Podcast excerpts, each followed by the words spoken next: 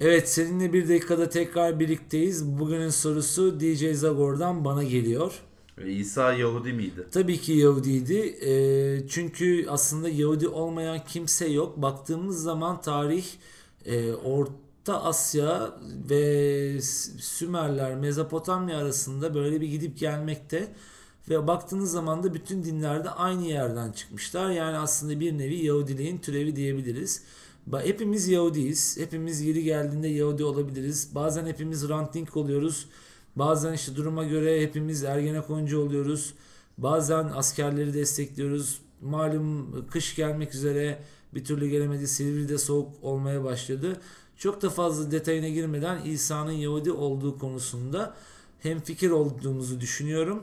Ee, bunu çok da fazla deşmeye gerek yok. İsa bir Yahudi. Evet, e, bu zor cevap için e, kendime ve zor soru için DJ Zagor'a teşekkür ediyorum. Ayrıca yayında bize manevi desteğini esirgemeyen e, DJ Casey'e de teşekkürlerimi sunuyorum. Tekrar görüşmek üzere.